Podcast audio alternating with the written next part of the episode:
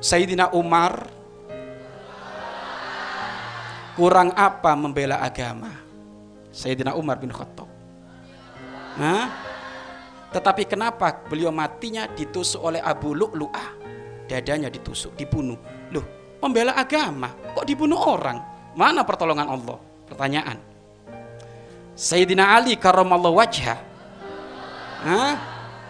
Beliau pembela agama, sama matinya dibunuh. Iya kan? Matinya dibu dibunuh. Utsman bin Affan. Hah? Pembela agama juga, pol-polan. Jangankan nyawanya, hartanya dilebur untuk membela agama Allah. Matinya juga kepalanya dipenggal. Mana pertolongan Allah? Pertanyaan, pertanyaan.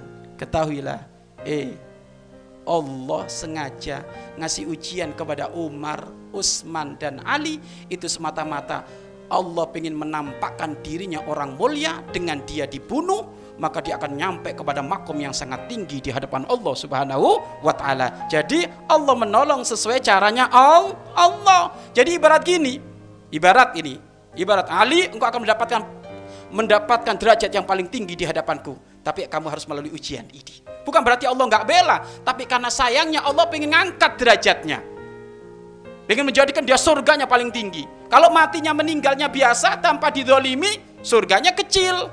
Tapi kalau matinya didolimi, apalagi di saat didolimi sabar, pangkat, pangkat, surga, surga tinggi, surga firdaus itu. Ya, kalau mati biasa dalam keadaan iman ya masuk surga, tapi surganya kecil. Tapi di saat meninggal iman kepada Allah didolimi, sabar, pangkat, pangkat, pangkat.